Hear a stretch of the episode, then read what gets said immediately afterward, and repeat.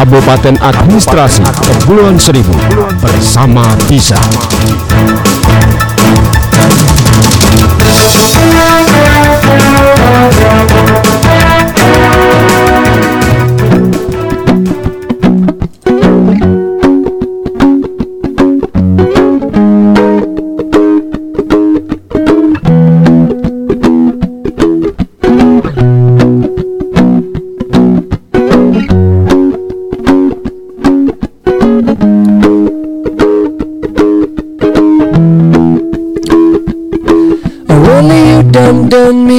Bet I felt it I tried to beat you but you're so hot that I melted. I fell right through the cracks. And I'm trying to get back. Before the cool done run out I'll be giving it my bestest. And nothing's gonna stop me but divine intervention. I reckon it's again my turn To win some or learn some. I won't hesitate no more, no more. It cannot wait. I'm yours.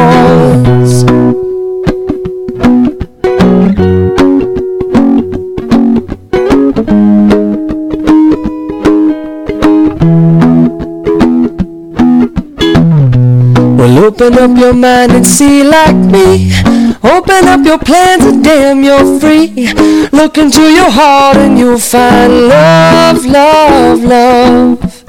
Listen to the music of the moment, maybe sing with me. Love peaceful melody. It's your God-forsaken right to be loved, loved, loved, loved, loved. So I won't hesitate no more, no more. It cannot wait. I'm sure there's no need to complicate. Our time is short. This is our fate. I'm yours.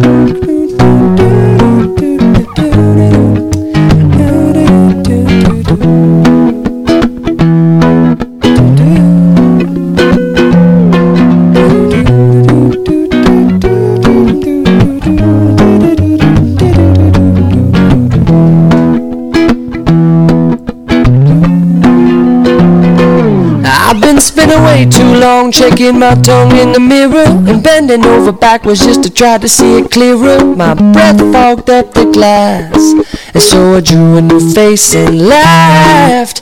I guess what I'm saying is there ain't no better reason to rid yourself of vanity and just go with the seasons. It's what we aim to do. Our name is our virtue. I won't hesitate no more, no more. It cannot wait. I'm sure there's no need to open up your mind and see blockade. Open up your plan today. Is short. Look into your heart and you'll love. I'm yours. No, I to the music of the moment come and hesitate. No more, no more. It's your God-forsaken right to be loved.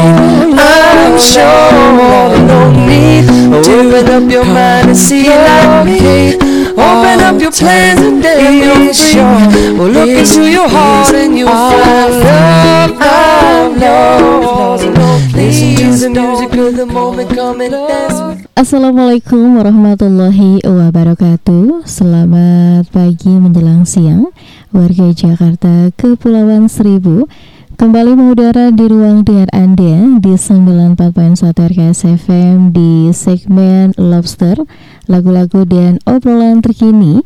Ditemani dengan sajian lagu-lagu pop mancanegara untuk Anda Di edisi Senin 11 Januari 2021 Santi hadir di satu jam ke depan radio podcast menemani Anda di pagi menjelang siang hari ini.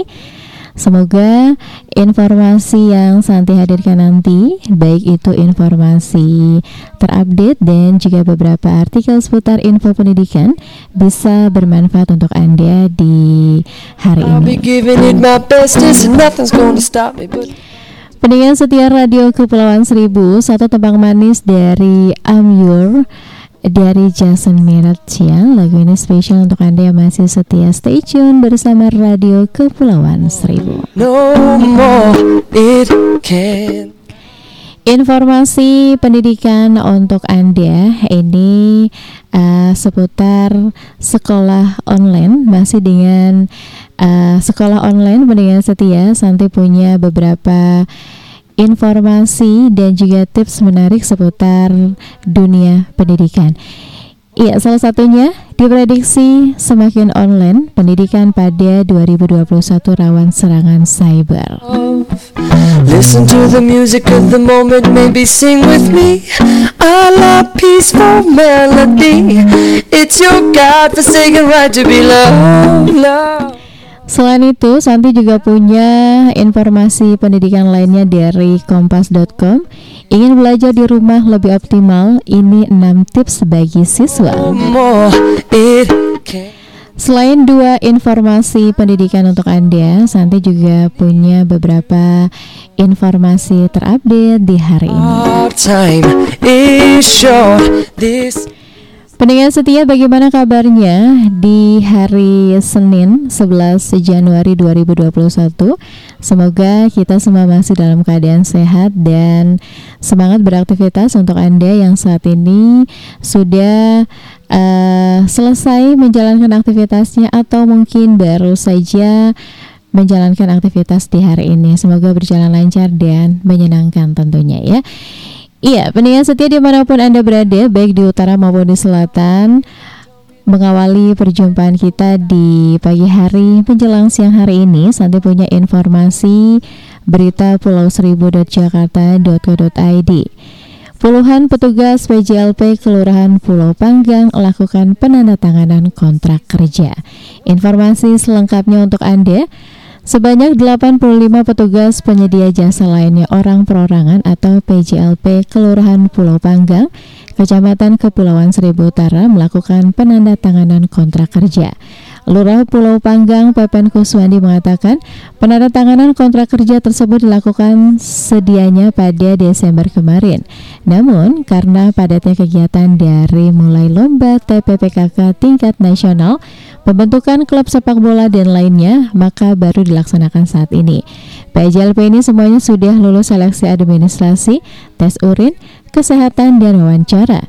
Kita terima sesuai kebutuhan dengan total semua 85 petugas, yaitu 73 petugas PPSU dan 12 orang pengelola RPTRA, kata Pepen.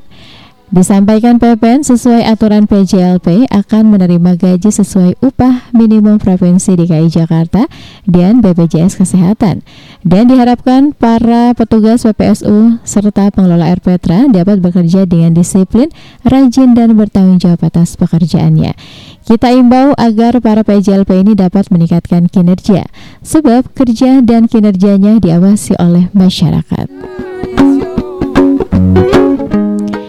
Ya, pendengar setia itu dia tadi satu informasi untuk Anda dari berita Kepulauan Seribu. Santi hadirkan di menit ke-20 lepas pukul 10 pagi menjelang siang. Kabupaten Administrasi Kepulauan Seribu bersama bisa.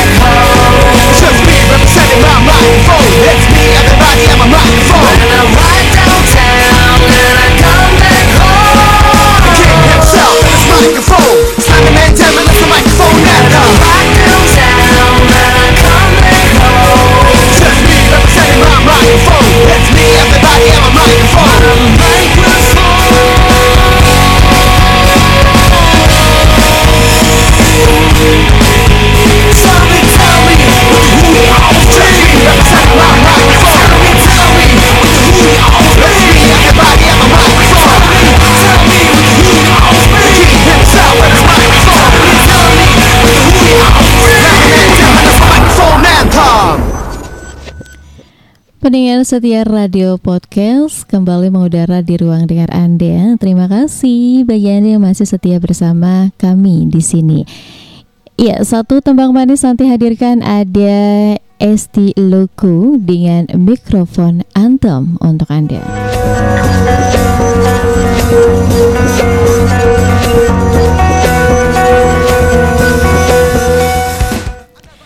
Pendengar setia di mana pun Anda berada, informasi pendidikan Santi hadirkan untuk Anda dari liputan6.com. Diprediksi makin online, pendidikan pada 2021 rawan serangan cyber.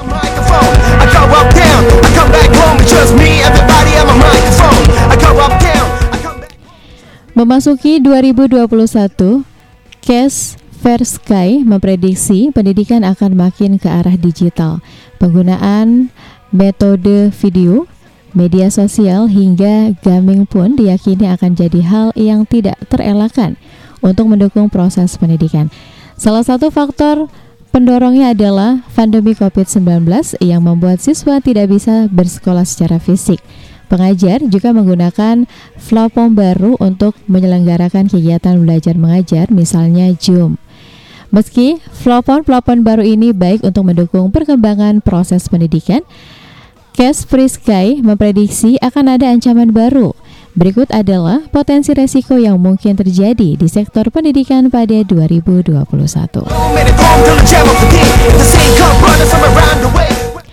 Poin pertama, pengembangan Learning Management System atau LMS. Pendengar setia, LMS memungkinkan pengajar untuk melacak proses pembelajaran siswa, menunjukkan proses perkembangan siswa dan aspek yang membutuhkan perhatian dari pengajar. Pasar LMS yang baru diperkirakan masih akan terus berkembang. Popularitas LMS membuat jumlah situs phishing terkait layanan pendidikan dan konferensi video juga akan bertambah. Tujuan penyerang adalah mencuri data pribadi atau menyebarkan spam di komunitas pendidikan. Pada pertengahan 2020 lalu, Kaspersky mendata ada sebanyak 168 ribu pengguna untuk uh, menghadapi berbagai ancaman dengan kedok platform belajar online.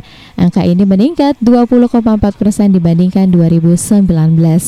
LMS membuka kemungkinan jenis serangan baru, misalnya ancaman Zoom meeting, apalagi jika sekolah terus melakukan pembelajaran jarak jauh.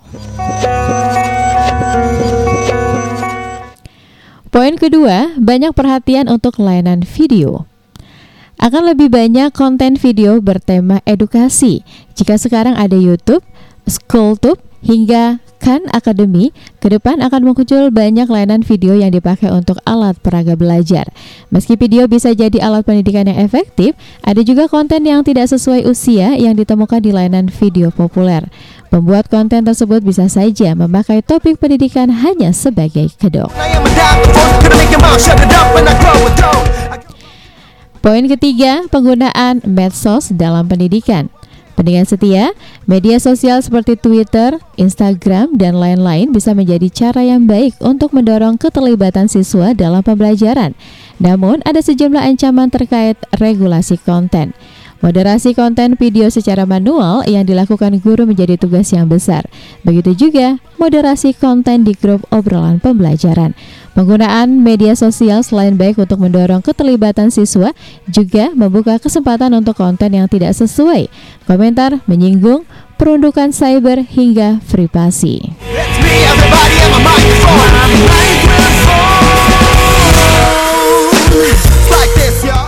Dan poin yang keempat adalah gamifikasi proses pendidikan.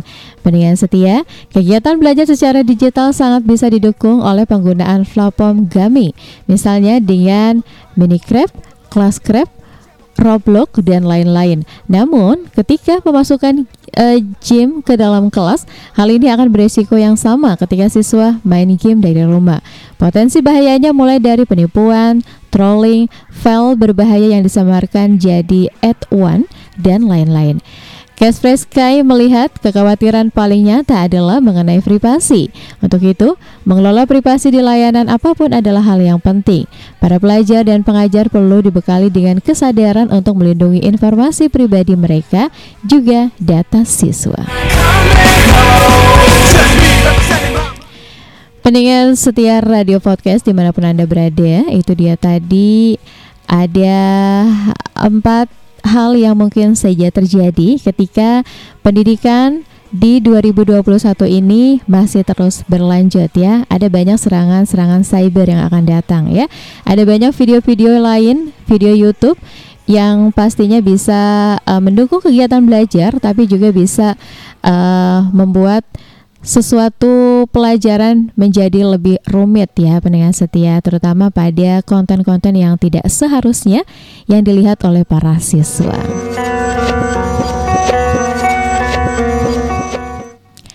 Itu dia informasi um, pendidikan untuk Anda sudah Santi hadirkan. Semoga bermanfaat di uh, pagi menjelang siang hari ini.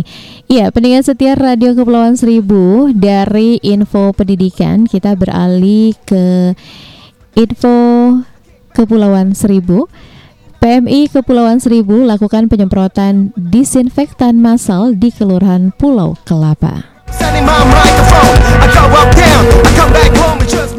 Informasi selengkapnya untuk Anda, pendengar setia, Palang Merah Indonesia Kabupaten Kepulauan Seribu melaksanakan penyemprotan disinfektan secara massal di wilayah Kelurahan Pulau Kelapa, Kecamatan Kepulauan Seribu Utara.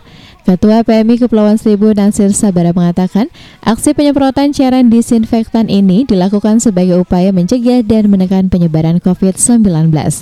Kita bagi tiga titik di mana tim PMI wilayah utara Sudin Gul Karmat Jakarta Utara dan Kepulauan Seribu, permukiman selatan dan kelurahan wilayah tengah, penyemprotan difokuskan pada permukiman warga, homestay, fasos fasum, dan tempat ibadah.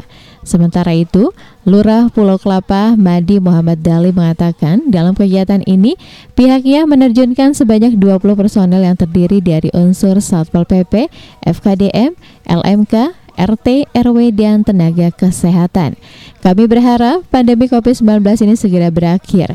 Untuk itu, kami terus menghimbau masyarakat agar tetap menerapkan protokol kesehatan di mana pun berada dan selalu memakai masker serta menghindari kerumunan.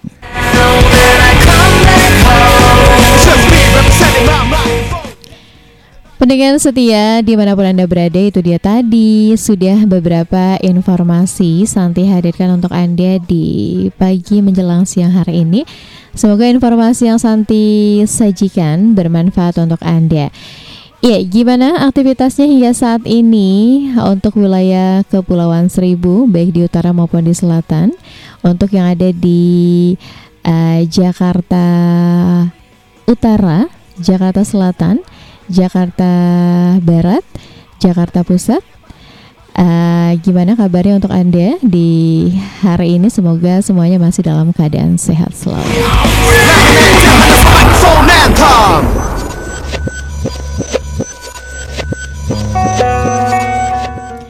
Jangan ke mana-mana, Santi masih akan kembali untuk Anda Masih dengan beragam informasi terupdate dan info dunia pendidikan untuk Anda. So, stay tune terus bersama radionya di 94.1 RKS FM. Kabupaten Administrasi Kepulauan Seribu bersama Bisa.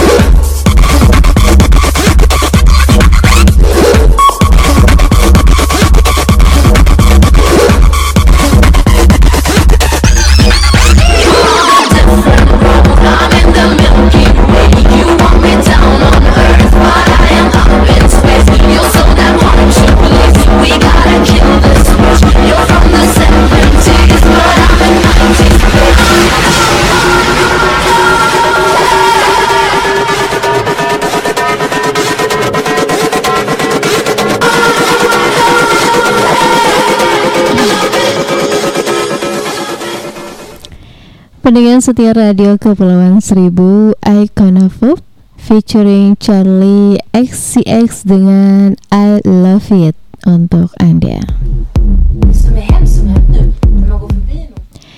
Iya, pendengar setia di mana pun Anda berada, bagaimana kabarnya untuk Anda hingga saat ini? Semoga kita semua masih dalam keadaan sehat dan semangat beraktivitas ya. Dan uh, informasi terupdate untuk Anda seputar kronologi lengkap sebelum pesawat Sriwijaya RSJ 182 jatuh ke laut.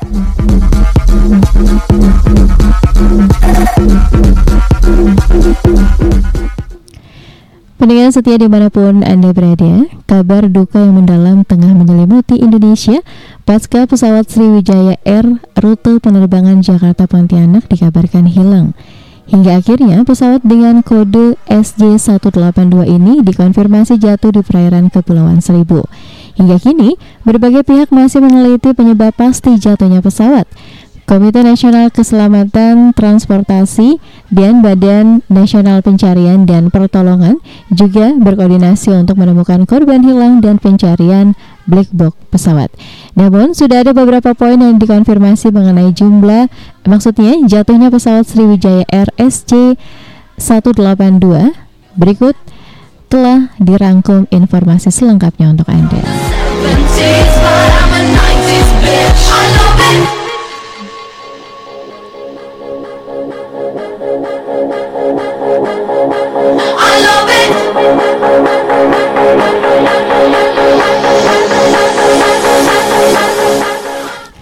Iya, pendengar setia kita mulai dari fakta yang pertama, pesawat dalam keadaan layak terbang. Pesawat SJ182 mengangkut 62 penumpang dengan rincian 50 penumpang umum dan 12 kru pesawat ini merupakan pesawat yang layak terbang. Dikutip dari perkataan Direktur Utama PT Sriwijaya Air Jefferson Irwin Juena dalam konferensi pers di Bandara Soekarno-Hatta bahwa pesawat yang sama sebelumnya sempat terbang ke Pontianak, Jakarta pulang pergi. Kemudian pesawat itu juga terbang ke Pangkal Pinang sebelum kembali terbang mengantarkan penumpang Jakarta Pontianak. Fakta kedua, SJ182 menggunakan pesawat Boeing 737-500 sudah berusia 26 tahun. Sriwijaya RSC 182 menggunakan pesawat jenis Boeing 727-500 buatan tahun 1994. Meski kini rentang umurnya 26 tahunan, Suryanto Cahyono, Ketua KNKT mengungkapkan bahwa umur pesawat bukan satu-satunya parameter yang mengukur kelayakan pesawat. Menurutnya, ketika memang dirawat dengan baik, umur pesawat tidak terlalu menjadi masalah. Pesawat dengan jenis Boeing 737-500 ini merupakan salah satu model generasi pertama yang dinamakan seri klasik. Fakta ketiga, sempat delay untuk boarding selama 30 menit. Pendengar setia, pesawat Sriwijaya Air SJ182 dijadwalkan terbang pada pukul 13.25 waktu Indonesia Barat. Namun, pesawat ternyata baru lepas landas pada 14.36 waktu Indonesia Barat. Alasan terjadi delay pada pesawat ini karena saat akan take off pukul 13.25 menit waktu Indonesia Barat terjadi hujan deras. Delay akibat hujan deras, maka ada delay 30 menit saat boarding. Ujar Jefferson Irwin Juena dalam jumpa pers di Bandara Soekarno-Hatta yang dikutip dari berbagai sumber. Fakta kelima, hilang kontak sejak 14.40 menit waktu Indonesia Barat. Posisi terakhir pesawat diketahui berada di atas Kepulauan Seribu. Menteri Perhubungan Budi Karya Sumadi menyebut jika pesawat pada pukul 14.37 waktu Indonesia Barat masih berada di ketinggian 1.700 kaki dan diizinkan naik ke 29.000 kaki dengan mengikuti standar instrumen. Pesawat lalu dinyatakan hilang kontak pada 14.40 waktu Indonesia Barat. Pesawat terakhir terlihat di ketinggian 250 kaki. Dari penuturan warga sekitar Kepulauan Seribu mengklaim sempat terdengar ledakan dua kali dan menemukan barang di tengah laut. Fakta kelima pendengar setia, sebelum hilang pesawat sempat keluar arah dari jalur terbang. Diungkapkan oleh Menhub Budi Karya, kalau pesawat Sriwijaya RSJ 182 sebelum hilang sempat keluar arah dari jalur terbangnya. Hal itu terjadi sekitar pukul 14.37 waktu Indonesia Barat, di mana pesawat melewati ketinggian 1.700 kaki dan melakukan kontak dengan Jakarta Pesawat dilaporkan mengarah ke barat lalu sebelum hilang kontak. Kemudian pukul 14.40, Sriwijaya terpantau tidak ke arah 075 derajat, melainkan ke barat laut. Oleh karenanya, ditanya ATC untuk melaporkan arah pesawat. Tidak lama kemudian, dalam hitungan uh, detik, SC-182 hilang dari radar, ujar Budi Karya.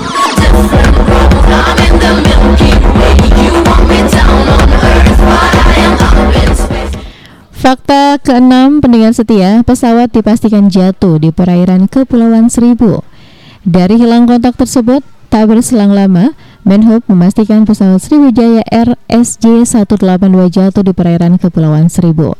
Dari data flight radar menunjukkan B737500 Sriwijaya RSJ 182 berhenti di sekitaran 11 mil laut Bandara Soekarno-Hatta di atas Kepulauan Seribu. Pesawat sempat melewati ketinggian 11.000 kaki, tetapi tiba-tiba ketinggian dan kecepatan pesawat turun drastis. Posisi terakhir menunjukkan ketinggian 250 kaki di atas permukaan laut dengan kecepatan 558 knots. Fakta ketujuh, selain korban, penemuan black box pesawat jadi tujuan pencaharian.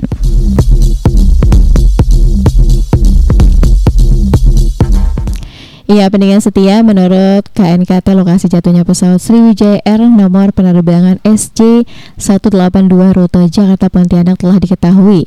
Oleh karenanya, survei kondisi perairan sekitar akan mulai dilakukan pada minggu. Hal tersebut juga berbarengan dengan usaha penemuan black box yang akan diusahakan secepatnya. Namun berkaca dari kecelakaan pesawat sebelumnya, penemuan black box biasanya memakan waktu hingga tiga hari. KNKT juga berkoordinasi dengan Basarnas untuk segera mencari korban yang hilang. Pencarian korban secara masif juga akan dimulai pada minggu sekitar titik jatuhnya pesawat. Iya pendengar setia dan Alhamdulillah black box sudah ditemukan ya. Dan itulah tadi kronologi seputar jatuhnya pesawat Sriwijaya RSJ 182. Uh, semoga korban cepat membuahkan hasil dan uh, bisa selamat ya.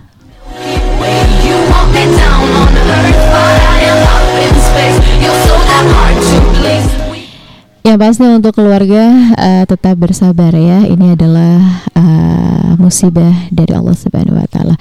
Iya, pendengar setia Radio Kepulauan Seribu masih bersama Santi di Radio Podcast satu jam uh, ke depan. Yang pasti semangat selalu untuk kita di hari ini. Semoga aktivitasnya berjalan lancar hingga menjelang siang nanti. Kabupaten Administrasi Kepulauan Seribu bersama Tisa.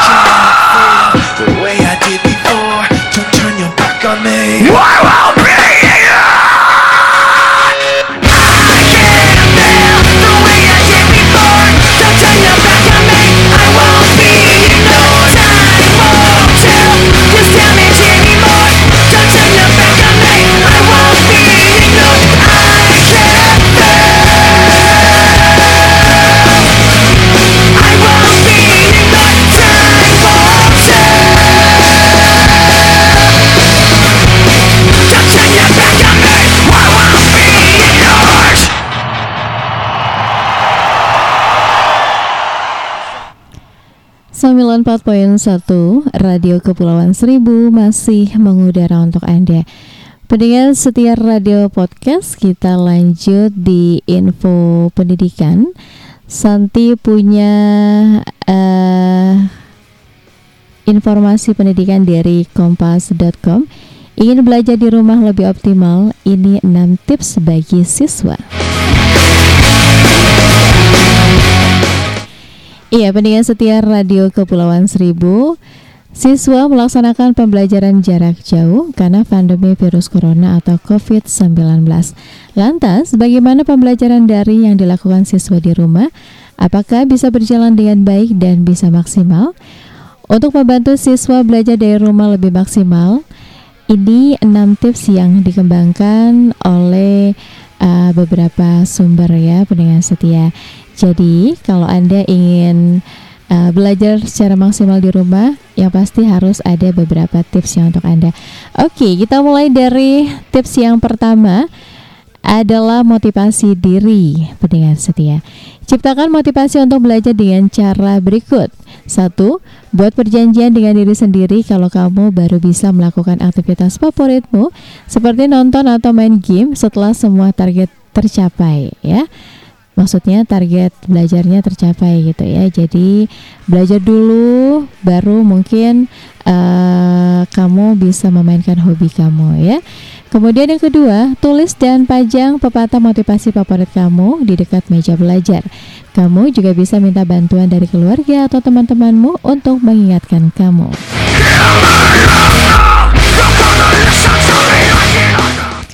Tips kedua, atur waktu. Pergunakan waktu belajarmu dengan efektif dengan uh, teknik uh, Pomodoro berikut ya. Tentukan target harian dan jam belajar kamu setiap paginya. Buat daftar tugas dan komunikasikan jadwal belajar kamu kepada keluarga atau temanmu supaya bisa ikut memonitor dan membantu kamu. Mulailah bekerja dengan mengikuti teknik mengatur ya. Nah, seperti buat daftar tugas yang harus dikerjakan, kemudian kerjakan tugas selama 25 menit. Centang daftar tugas yang sudah terlaksana, istirahat selama 5 menit, kemudian kembali uh, bekerja selama 25 menit plus 5 menit istirahat ya. Dan juga setelah melaksanakan uh, teknik 4 tersebut kamu bisa lebih istirahat ya. Nah, setelah semua tugas di daftarmu selesai, lakukan aktivitas lain untuk mengembangkan diri kamu. Tips ketiga, mengerjakan tugas dan hobi. Pastikan kamu dapat mengerjakan tugas yang diberikan dengan tepat dengan langkah berikut. Pertama, baca penugasan dari guru dengan teliti. Jika belum mengerti, bertanyalah kepada guru atau teman kamu melalui aplikasi chat, SMS, atau telepon. Dua, untuk pembelajaran daring, pastikan kamu sudah menyiapkan HP atau laptop, koneksi internet yang stabil, kuota yang cukup, dan aplikasi belajar yang dibutuhkan. Tiga, untuk pembelajaran berbasis proyek, pastikan alat dan bahannya sudah tersedia di rumahmu. Jika ada kendala, langsung laporkan ke orang tua, guru, atau komunikasikan kepada teman. Nah, pendengar setia, setelah selesai laporkan atau kirimkan hasil kerjamu kepada guru dan orang tuamu. Supaya tidak bosan setelah mengerjakan tugas sekolah, kamu bisa menyegarkan diri dengan berolahraga, memasak, atau melakukan aktivitas favoritmu luar biasa ya. Uh, belajar sambil melakukan hobi gitu ya yang pasti. Dahulukan belajar dulu ya baru uh, mengerjakan hobi ya. Selanjutnya tips yang keempat tanya orang. Meskipun tidak bertemu langsung bukan berarti kamu tidak berinteraksi dengan orang lain. Kamu bisa tetap berkomunikasi dengan orang-orang terdekatmu untuk membantu proses belajarmu dan memastikan kamu tahu apa yang terjadi di sekelilingmu misalnya orang tua gitu ya. Kamu bisa berdiskusi tentang proyekmu atau isu-isu terkini. Kepada guru, kamu bisa bertanya tentang tugas atau meminta masukan atas hasil tugas yang dikerjakan. Kepada teman-teman sekelas, kamu bisa saling memberi kabar, berdiskusi tentang tugas dan isu-isu terkini, atau melalui website sumber belajar dan platform berita. Kamu bisa mencari referensi tugas dan membaca berita-berita terkini. Tips kelima, ulang materi lagi. Mengerjakan tugas saja kadang tidak cukup untuk memahami materi pembelajaran. Cara berikut bisa kamu coba untuk benar-benar memahami pembelajaran dengan mengulang materinya kembali. Yang pertama, bisa nonton video-video pembelajaran online ya. Diskusikan materi yang dipelajari dengan teman-teman kamu di grup chat Dua, buat rangkuman atau peta konsep materi tersebut yang dapat membantu kamu mengulang kembali materi tersebut di masa depan. Dan tiga, kerjakan soal-soal tambahan kalau kamu butuh tantangan lebih. Dan untuk tips yang keenam, lanjutkan dan perbaiki. Setelah mencoba strategi belajar ini, renungkan kembali apakah pola ini berhasil bagi kamu. Jika sudah berhasil, bagaimana supaya lebih optimal ya. Jika belum selesai eh, berhasil, kira-kira faktor apa yang menjadi alasannya? Bagaimana cara memperbaikinya?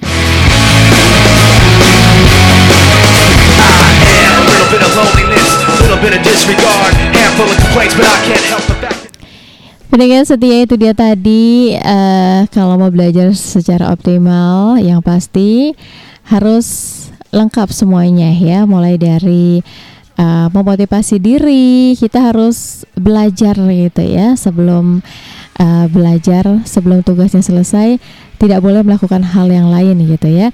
Kemudian atur waktu pagi-pagi sudah bangun sudah mengerjakan tugas gitu ya. Kemudian setelah mengerjakan tugas Anda bisa melakukan hobi. Bisa bertanya kepada orang-orang sekitar ya misalnya pada orang tua kalau kamu tidak uh, mengerti tugasnya gitu ya tidak paham bisa tanya dengan guru dengan teman-teman sekelas kamu atau dengan uh, website ya di mana sumber belajar yang kamu buat gitu ya. Kemudian ulangi materinya lagi sampai kamu mengerti dan lakukan juga perbaiki ya. Nah, itu dia hal-hal yang bisa kamu lakukan agar uh, pekerjaan rumah atau belajar kamu di rumah lebih optimal.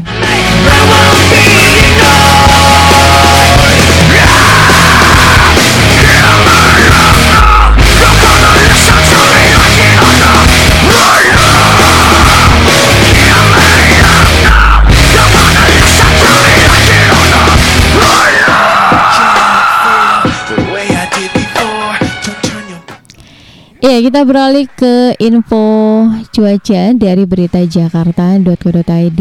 Pendengar setia, Jakarta diprediksi hujan hari ini.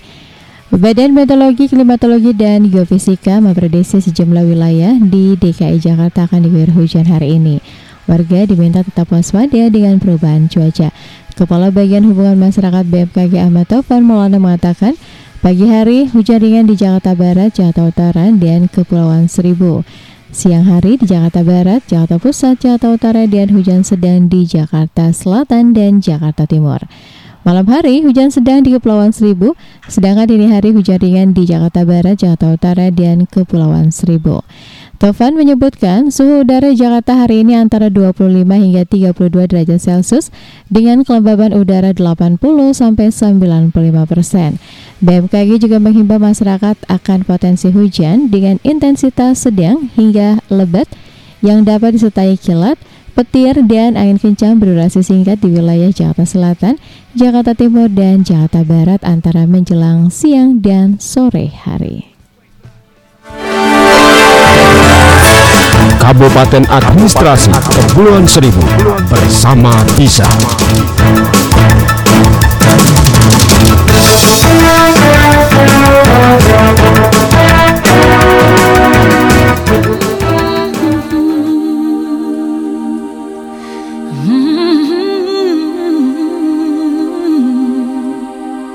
I get wings to fly.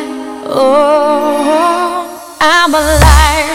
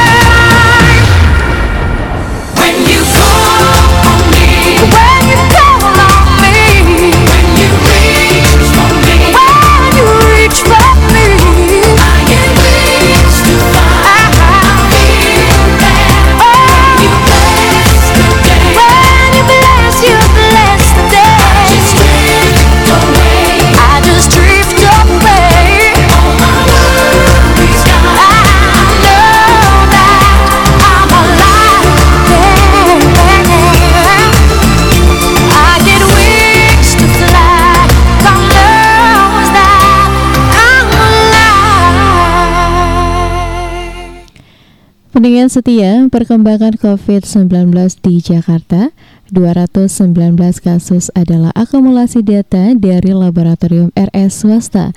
Info berita jakarta.co.id Pemprov DKI Jakarta masih terus mempasifkan tes PCR untuk menemukan kasus baru secara cepat agar dapat segera melakukan tindakan isolasi atau perawatan secara tepat sehingga memperkecil potensi penularan COVID-19. Kepala Bidang Pencegahan dan Pengendalian Penyakit Dinas Kesehatan Provinsi DKI Jakarta Dwi Oktavia memaparkan Berdasarkan data terkini Dinas Kesehatan Pemerintah Provinsi DKI Jakarta, dilakukan tes PCR sebanyak 14.761 spesimen.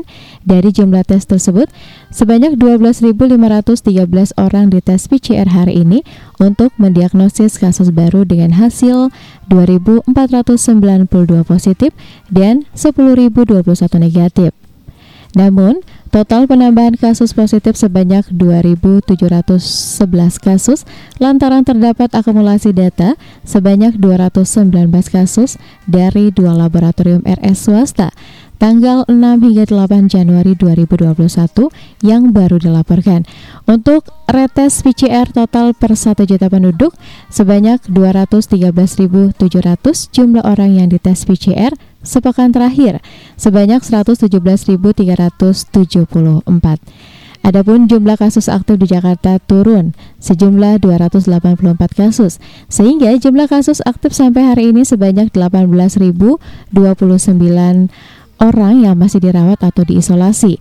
Sedangkan jumlah kasus konfirmasi secara total di Jakarta sampai hari ini sebanyak 206.122 kasus.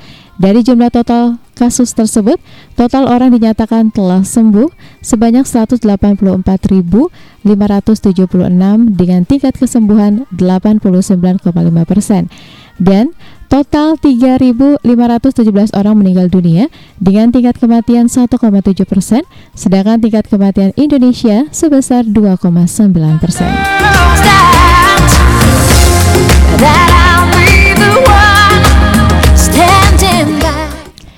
Pendengar setia radio podcast untuk positif rate atau persentase kasus positif sepekan terakhir di Jakarta sebesar 12,7 persen. Sedangkan persentase kasus positif secara total sebesar 9,1 persen. WHO juga menetapkan standar persentase kasus positif tidak lebih dari 5 persen. Pendengar setia, Pemprov DKI Jakarta menyarankan bagi masyarakat yang ingin memasuki wilayah Jakarta untuk melakukan pemeriksaan mandiri COVID-19 melalui Jack CLM di aplikasi Jaki. Melalui Jack CLM, masyarakat dapat mengetahui resiko COVID-19 serta mendapatkan berbagai rekomendasi kesehatan sesuai dengan resiko yang dimiliki. Kontribusi masyarakat dalam pengisian Jack CLM dapat membantu Pemprov DKI Jakarta untuk melakukan pencegahan penyebaran kasus COVID-19 di Jakarta. Melalui Satpol PP, Provinsi DKI Jakarta menindakkan atas pelanggaran penggunaan masker dan pendataan buku tamu juga akan digencarkan. Begitu pula dengan bentuk pelanggaran-pelanggaran PSBB lainnya. Harapannya, masyarakat dapat lebih disiplin menerapkan protokol kesehatan dan turut berpartisipasi dalam memutus mata rantai penularan COVID-19.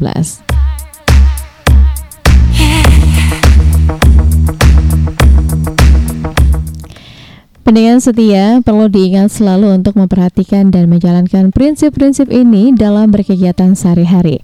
Tetap tinggal di rumah dan tidak keluar bila tidak ada keperluan mendesak.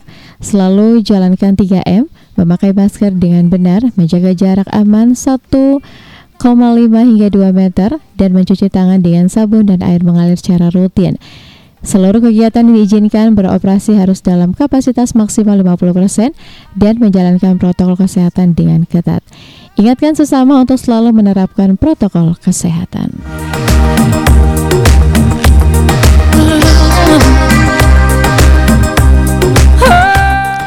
Pendengar setia Radio Kepulauan Seribu, itu dia tadi perkembangan kasus COVID-19 di Jakarta per 10 Januari 2021 ya dan ada 219 kasus adalah akumulasi data dari laboratorium RS swasta.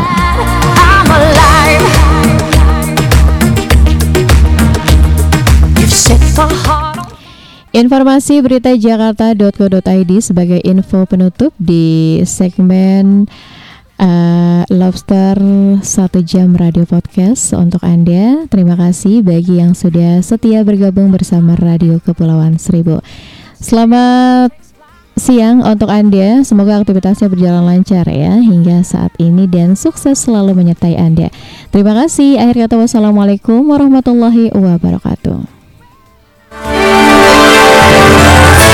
Kabupaten Administrasi Kepulauan Seribu bersama Bisa.